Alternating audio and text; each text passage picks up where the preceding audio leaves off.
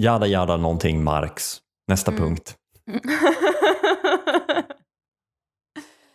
Effektivisera podden genom att bara säga jada jada Marx på varje punkt.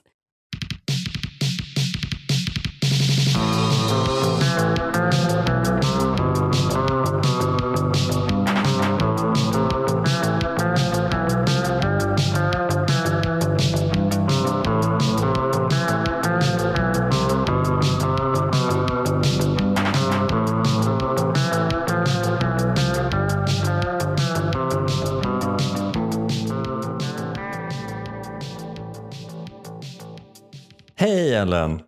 Hej Kim! Har jag sagt att jag har lingua geografica? Nej, vad är det? Det, det är ett jättegulligt sätt att säga att jag har någon form av sjukdom på min tunga. Så får den se jätteäcklig ut. Undrar om jag har det här. Men min sjukdom Eh. är i så fall att jag sover med öppen mun. är det det lingua geografica betyder? Nej, men det blir alltså världskartetunga. Eller atlastunga, eller något sånt där heter det på svenska. Aha. Det gör att din tunga ser lite ut som en världskarta. Får man se? Ja, absolut. Det blir bra radio. Ja, där har vi Argentina, ja. Eldslandet. Jag tyckte jag såg ingenting. Den såg väldigt eh, rosa och eh, frisk den, ut. den är inte alltid, den är inte alltid eh, geografisk. Men an, när den är det så är det som vita områden. Liksom, som Mm. ser ut som, och så ser det röda ser ut som haven emellan. Vad bra. Jag undrar om du, Linnea skulle kunna bli en sån eh, tant som ser Jesus i en eh, brödbit eller någonting fast på din tunga. De bara försöker sälja den eh, på Tradera. Då. Ja, Men vad roligt att du tar upp och ser omen. För att vi, vi, Linnea vet ju om att jag har lingua geografica. Eh, Jag var tvungen att säga det tidigt i vår relation så att hon inte skulle lämna mig. Ja. Eh, nej men, men då är det så att vi har liksom gjort det stora misstaget att råka köpa tandkräm från Lidl. mhm. Vilket är roligt för att den har det mest tandkrämiga namnet någonsin. Dentalux. Mhm. Vilket de två, ehm, vad ska man säga, för och efterleden, alltså denta och lux och eller flux, Mm. låter ju liksom tand. Alltså hur du än stoppar runt dem. Fluxodent. Fluxlux. Alltså det, det blir liksom tandkräm. Ehm, Vad roligt, det här är ett jätteroligt sätt att lära sig latin på. Att du bara har så lingua, geografica och denta lux. ehm, I alla fall, eh, den här tandkrämen, ehm, min, min tunga tål typ inte den. Så att jag fick som liksom blodutgjutelse. Oj, nu. Där. Förlåt, det kom en bananfluga som ville in i min mun. Förmodligen för att den såg Paraguay och längtade hem. Eh, nej men, så då borstade jag tänderna med den, fick jätteont och så gick in och kollade och såg att jag liksom hade alltså, typ blodig tunga. Och i och med att jag då hade lingua geografica så såg det nu ut som att världen, Att haven blev till blod. exakt, Det är sånt och då, då såg vi ett vackert omen. Ja, det, är, det här, jag anar en affärsidé.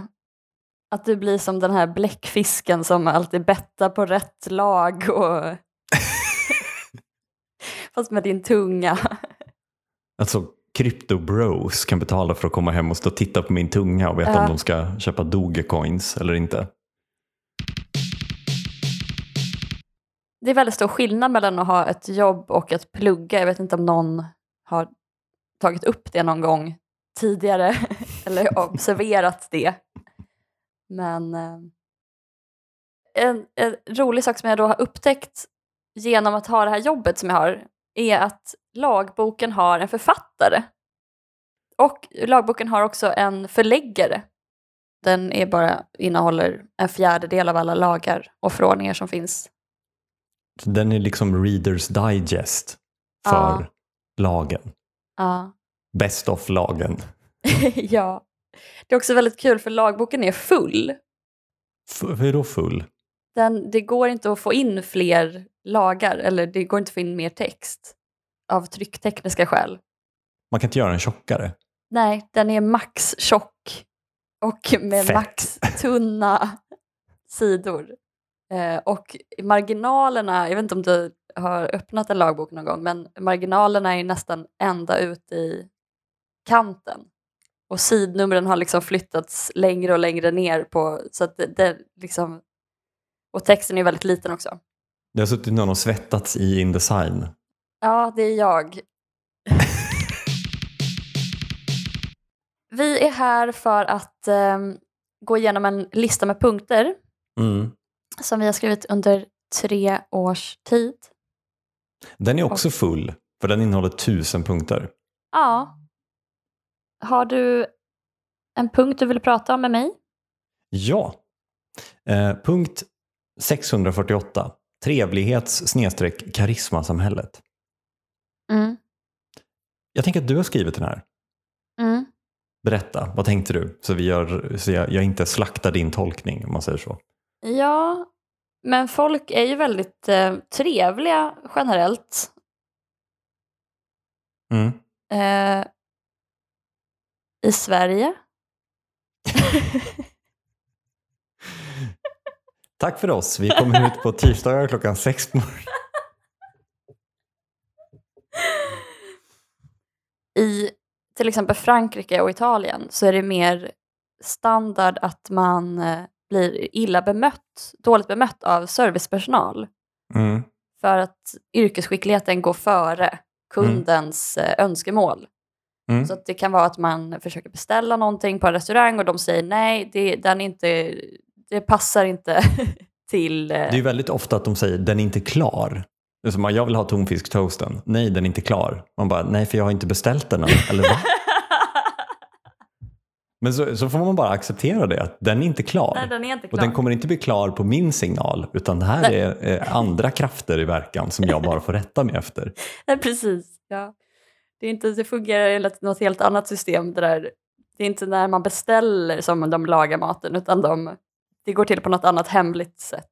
Har du tur så kommer du in precis när du, det du vill ha är klart. Jag beställde en tomatsoppa en gång i Rom. Men då var det liksom 30 grader varmt, så då sa de ju bara nej, är du sjuk i huvudet? Du kan absolut inte äta soppa. De hade ju rätt, eller hon. Mm. Överhuvudtaget är det ju någon stämning som är, kan bli lite obehaglig när folk är trevliga. Mm. Det spelar ingen roll vad, hur situationen utspelar sig på något sätt. Man, kan, Mm. man, man får ingen respons på, alltså man vet inte om man är galen till exempel. Mm. Så kommer man inte få något eh, svar från där man pratar med som avslöjar om man, är, om man har rätt eller fel, om man är gränslös eller man vet ju inte riktigt vad man håller på med någonsin Mm. när man går Mm. ut på stan. Så någon måste instruera en och stoppa en ganska ofta. Sen tycker jag också att det liksom har växt upp en, eh, alltså växt fram en eh, kultur också där vi bara har alltså bristande social kompetens hos viss servicepersonal. Alltså det är inte så att de är okunniga, de är otrevliga. Det är bara så att de typ är från covid-generationen och har inte skolats in i att umgås med andra människor. Mm. Och nu helt plötsligt så har de släppts ut från hemmen där de har suttit i två år och måste stå på typ espresso house. Mm, mm, Jag lyssnade på Stil i P1 nu, precis innan vi kör igång, Mm. som handlade om eh, det glada 20-talet som kom av sig. mm. Och då intervjuade de bland annat eh, en forskare som heter Sebastian eh, Tutenges som har forskat i, och nu kommer jag inte ihåg vad det svenska begreppet är för det, men det, det är typ collective highs. Han forskar i att typ det vi upplever när vi går på klubb, att vi har en liksom, vi är en del av en gemensamt förhöjd stämning. Jag Mm. trodde att den svenska översättningen var, nu lyssnade jag på det här för 20 minuter sedan, så jag borde komma ihåg det, men jag trodde att den svenska översättningen var kollektiv upphetsning. Så jag Mm. googlade det för att hitta hans avhandling. Men det visade sig att det var helt fel grej att googla på. Du kom in på Pornhub. När jag hamnade på RFSU som förklarade att det var helt normalt att runka i grupp. Nej, men då, då intervjuade de honom, sammans, de intervjuade några liksom klubb, eh, klubbverksamma personer som pratade om liksom det här, både att kids nu för tiden inte ser poängen med att gå på klubb. Det är Mm. hög musik, det är långa köer, det är dyrt, du måste betala för att gå in. Du kan Mm. lika gärna åka hem till din kompis, där får du till och med välja musik. Liksom. Mm. Eh, och sen så har de inte heller tränats in i det. Det enda de har tränats in i det är ju att vara kunder. Alltså 100% kunder i form av beställa saker på nätet. Så då faller de liksom in, inte i rollen klubbesökare, alltså som du och jag och säkert våra lyssnare känner till den. Mm. Alltså, jag, är, jag betalar för att gå in, jag betalar Mm. för att hänga från min jacka, jag följer en massa krångliga regler, eh, jag betalar alldeles för mycket för sprit, jag står i kö till toaletten. Mm. De finner sig liksom inte i det. Nej. Varför måste jag stå i kö? Varför måste jag betala? Varför är det så dyrt med alkohol? Jag kan ju ta med min egen alkohol, den är ju billigare. Det här var ingen bra låt. Vem är det som spelar musik egentligen? Varför är det för högt, för lågt? Ta mig till DJ. Vad intressant. Påminner om min pappa. Som en gång när vi var på Dramaten så lackade han för att vi, han bara, jag hör ingenting. Skandal, ta mig till regissören. Man bara, pappa det, det är du som har bokat de här platserna, alltså du tog de billigaste platserna. Ja, nej, man hör inte jättebra. Men Det är ändå roligt att de säljer platser till en... Men det är lite som vi pratade om innan vi började spela in, att, att eh, jag hade varit på en takbar som hade platser som inte hade någon utsikt. mm, Ehm, och det är liksom roligt att, alltså jag fattar ju att den fysiska realiteten ställer den typen av krav. För ja. allt kan inte vara fönster. Men, men det är ändå roligt. Alltså, kom, och, kom och gå på den här teatern om du inte betalar. Du kan köpa en plats där du varken hel, hör eller ser någonting. För er som bara vill vara på Dramaten av någon anledning. För dig som älskar att sitta. I alla fall så har ju den här, det, har ju mötts med, med um, ilska då. Att, att um, kidsen går ut och inte kan bete sig. Det fanns en fantastisk artikel i Nya Värmlandstidningen som, som var typ så här kiss och sprit överallt. Nu är covid-generationen på krogen. Och så handlar det om att de hade typ bara gått och kissat på ställen för att de inte orkar stå i toakö. Och liksom smugglat med sig egen sprit och liksom och jag blev också så här, jag bara, men vad fan, de måste ju kunna bete sig. ja. Men å andra sidan, de har ju en poäng. ja, Alltså om vi nu ändå ska ha kundsamhället, om jag nu ändå ska betala och vara kund och alltid ha rätt, mm, då kan det väl få gälla hela tiden.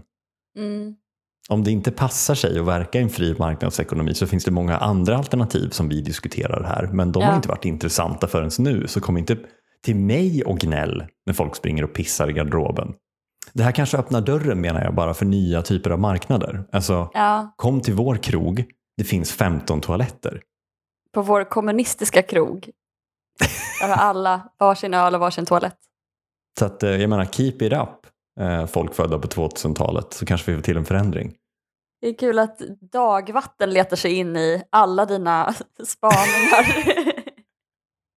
Hur ska jag få det här att handla om dagvatten? Nattvatten. Punkt 699. Sociologiskt respektive psykologiskt berättande.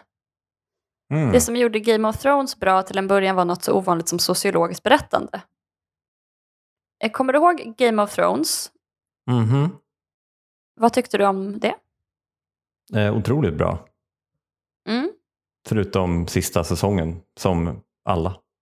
Ja, eh, just det här med sista säsongen, Mm. att den var dålig, eh, läste jag en artikel om att det var för att de bytte sin berättarteknik, eller de berätt, började berätta på det här psykologiska sättet Mm.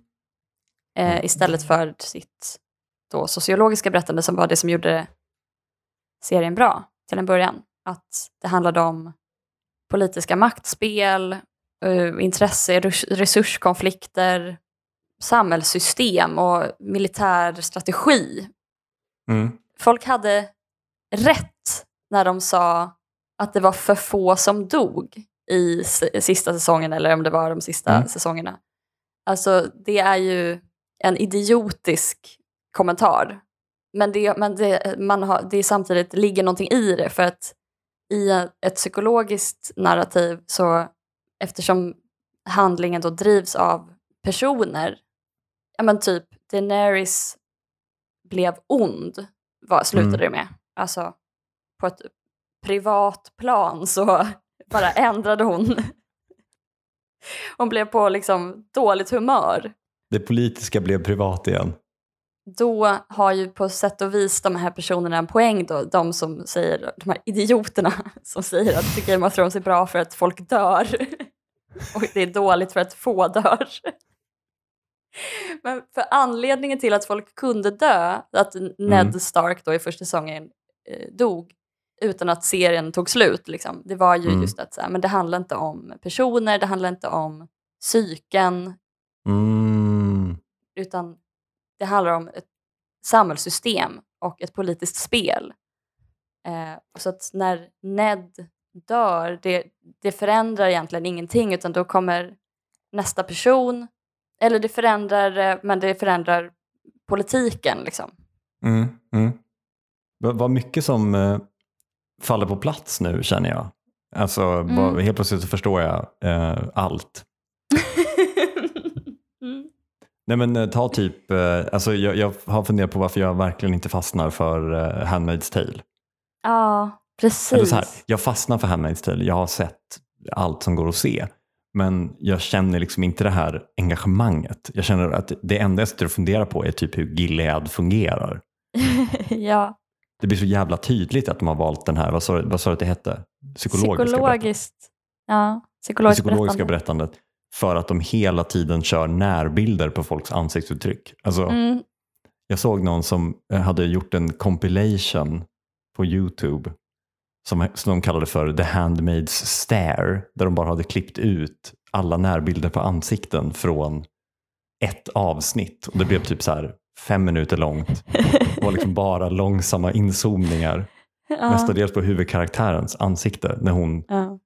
går från ganska sur till mer sur. Mm. Eller inte blir berörd alls och kanske får ett blodstänk i ansiktet. Mm. Vid ett tillfälle så bombar de hela staden där hon är. Oj då. Ja, och sen så bara klipper de till att hon typ direkt efteråt har lite tinnitus men reser sig upp och bara borstar av sig. Alltså det är, Klipper till en närbild på hennes ansikte. ja hon överlever 16 timmar i en kyld mjölktank. På ett sociologiskt plan så köper man ju inte serien längre. Hon borde ha dött för länge sedan.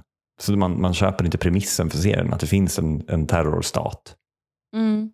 Och det är väl också det som gör typ The Wire så bra, att de balanserar på att man fortfarande bryr sig om karaktärerna och men de är inte jätteviktiga. Det handlar ju Nej. mestadels om systemet. Liksom. Just det. Är du en Dostojevskij eller Tolstoj type of guy? Dostojevskij är ju då en psykologisk berättare, han berättar ju psykologiskt och Tolstoj Mm. är en sociologisk berättare. Mm. Och det betyder inte att karaktärerna inte, att det inte finns psykologisk inlevelse. Mm. Alltså det är väldigt bra personporträtt, men Mm.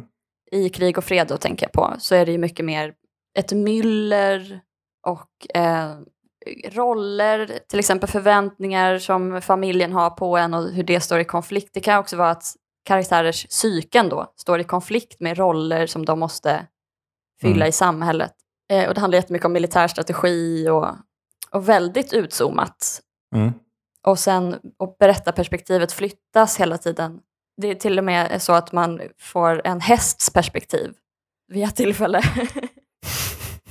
det, det finns en läsning som argumenterar för att huvudpersonen, det, det är framförallt tre familjer det handlar om, eller tre män kan man säga. Det är Pierre, Andrei och sen är det en som ingen någonsin kommer ihåg och inte jag heller vad han heter. Mm. Och den här tredje mannen då, är den, i den här läsningen så argumenterar den personen för att det är han som är huvudpersonen. Och då, så när jag läste det, jag bara, ja, det har du fan rätt i. Det skulle mycket väl kunna vara så. Och det tycker jag säger så mycket att så här, man inte vet vem som är huvudperson. Och om någon föreslår att det är han, den här personen vars namn jag inte kommer ihåg, så är det så här, Mm. ja, skulle kunna vara. Jag trodde verkligen du skulle säga att det var hästen. Att det fanns en läsning som liksom tog det ur, allting ur hästens perspektiv. Ja, men det typ hade kunnat vara att du, hästen är huvudperson. Men eh, i Brott och straff då, det finns ingen tvekan om vem som är huvudperson i Brott och Mm. straff. För det handlar bara om en person och hela konflikten i boken utspelar sig i hans inre. Mhm. Så det finns ett yttre skeende men det är ju väldigt litet. Det är ju att Mm. han mördar en pantlånerska Och sen, det händer precis i början och sen så handlar hela resten av boken om hans kval. Ska jag ange mig själv? Mm. Hur ska jag kunna leva med att jag har mördat den här kvinnan? Mm. Och han försöker liksom försvara det med hjälp av olika moraliska eh, systembyggen och eh, olika argument. Så psykologiskt berättande behöver inte vara dåligt, det är det, är det jag Mm. försöker säga. För eh, Dostojevskij är en jättebra författare. Följ vår podd för fler sylvassa spaningar. Men Tolstoj är förstås också jättebra. Men det är en pre- liksom, man kan ha en preferens, eller man kan vara en, liksom, lagd åt det ena eller andra hållet kanske. Men jag upplever att Mm. vår kultur präglas väldigt mycket av psykologiskt eh, berättande. Mm. Tro, vad tror du är anledningen till det? Men jag, jag tänker att det har att göra med att det är en genväg till, eh, alltså, till känslor. Att det är ett, ett effektivt sätt att fånga upp folk. Mm. Eh, speciellt också i och med att du har ett så himla stort utbud av, låt oss säga då, serier som exempel, men även böcker. En eh, klyscha som inte används så mycket längre är ju att någon, en serie börjar med att någon befinner sig i en absurd situation. Och så pausas tiden och så kollar de in i kameran och säger Yup, that's me. You wondered how I ended up here. Mm. Och sen spolar man tillbaka till början och så får man följa den personen. Mm. Alltså, det det är väldigt mycket berättelsen om en man eller en kvinna eller något annat. Ehm, och hur de utvecklas. Liksom. Mm. Ehm, det här med att prata om ett skeende eller att beskriva liksom ett land eller en process eller liksom en handling. Det kräver ju mycket mer. Ja, för precis. Det kan ju vara en resursfråga också kanske. Alltså att man inte har tid eller man, har, man skär ner på researchbudgeten på något sätt. Jag tror framförallt att det har med tid att göra i början. Alltså om du tänker att du ska börja titta på en ny serie, om du inte är hooked vid första avsnittet så tenderar du ju inte att fortsätta titta. Liksom. Mm. Men ska du kunna njuta av ett um, sociologiskt berättande, då krävs det kanske att du tar dig igenom två, tre avsnitt så att du får Mm. premisserna. Eh, det här är de eh, regerande familjerna, säger vi. Mm. Och sen presenteras konflikten och deras, de börjar göra sina drag mot varandra. Alltså det är ju jämföra det med ett, ett, um, ett schackspel. Det tar ju en stund att ställa upp pjäserna. Mm. Men när pjäserna väl är igång, då kan det vara ganska spännande att hänga med. Liksom. Just det, man måste alltid googla om kungen eller, damen ska stå till vänster eller höger. Det är en liten startsträcka. Pre- Precis. Minnesregel då. D för drottning. E för, uh, för vår kung tvekar mycket. Ja, Men det, det är väl, alltså, jag, jag tänker att det är en enklare form av underhållning att göra. Jag vet inte. Eh, det är väl också något sätt att ge något semiberöm till eh, ens eget konsumerande. Att man mer tycker om att läsa typ facklitteratur eller litteratur som pratar om, om fenomen eller saker. Mindre än att läsa om den personliga. Alltså, mm. jag blir, känner att jag blir uttråkad eller typ ledsen av att läsa böcker som utspelar sig i en persons huvud. ja verkligen jag med. Det som talar emot det du säger Mm. är ju att du och jag blir uttråkade och ledsna av psykologiskt berättande. Mm. Så det är ju uppenbarligen inte engagerande för alla. Samtidigt som folk är ju tokiga i The Wire och älskade Game of Thrones Mm. och folk älskar krig och fred. Och till och med är det ganska vanligt att vara av åsikten att krig och fred är bättre än brott och straff. Öppna inte den dörren. Den episka rap-battlen som har pågått i så många år. ja. Ehm, men det är ju längre startsträcka, tänker jag. Alltså det tog skitlång tid innan vi kom in i, i Game of Thrones. Samma sak med The Wire. Att man, man, behöver, man behöver veta att det här är så jävla bra. Mm. Men då tänker jag att alla inte blir underhållna. Vi har ju svart på vitt att vi inte blir underhållna av psykologiskt berättande. Så att någon måste väl catera, även om vi nu har en fungerande marknadsekonomi så måste någon catera till vår preferens för vad som är underhållande. Men det är därför det finns SVT Play. Så att de kan göra så här 19 minuters dokumentärer om en bro. Ja. Skogskyrkogården Uncut såg jag på öppet arkiv. Bara någon som panorerar över Skogskyrkogården. Jag har ju sett spårhinder på SVT Play typ sex gånger. Vad är det? Det är en eh, alltså typ 19 minuter lång dokumentär om ett, eh, alltså, typ ett farthinder, men det är ett fordonshinder. En viss typ av bilar kan inte åka förbi där. Ja. Så det är bara en kille som har ställt sig och filmat folk som försöker ta sig förbi ändå och typ fastnar. Ah. Och så går han fram, så intervjuar han några byggnadsarbetare och några alkisar som hänger runt där och liksom så går han fram och intervjuar dem som har krockat eh, och bara, vad tänkte du? Jaha, det är jätteintressant. Han har också gjort en, en film som också heter typ så här, Den där jävla slussen. Som också bara handlar om själva slussenbygget. Ah, det finns. Det finns, det finns för sådana som dig och mig också. Ja. Vi behöver inte bara läsa rapporter för att ta del av beskrivningar av skeenden. Nej. Nej, det är otroligt att folk är så ointresserade av skeenden och eh, händelser. Det här specialintresset händelser som vi har. Men jag kan, tycka, alltså jag kan tycka att det är en kollega till mig som brukar få lyssna på P1. Han vägrar lyssna på P1 för att han bara, de intervjuar bara en undersköterska hela tiden på P1 om vad hon tycker. Mm, mm. Jag tycker det, det ligger någonting om det. Alltså vad som än händer i samhället så springer man och hittar en undersköterska som har drabbats av det.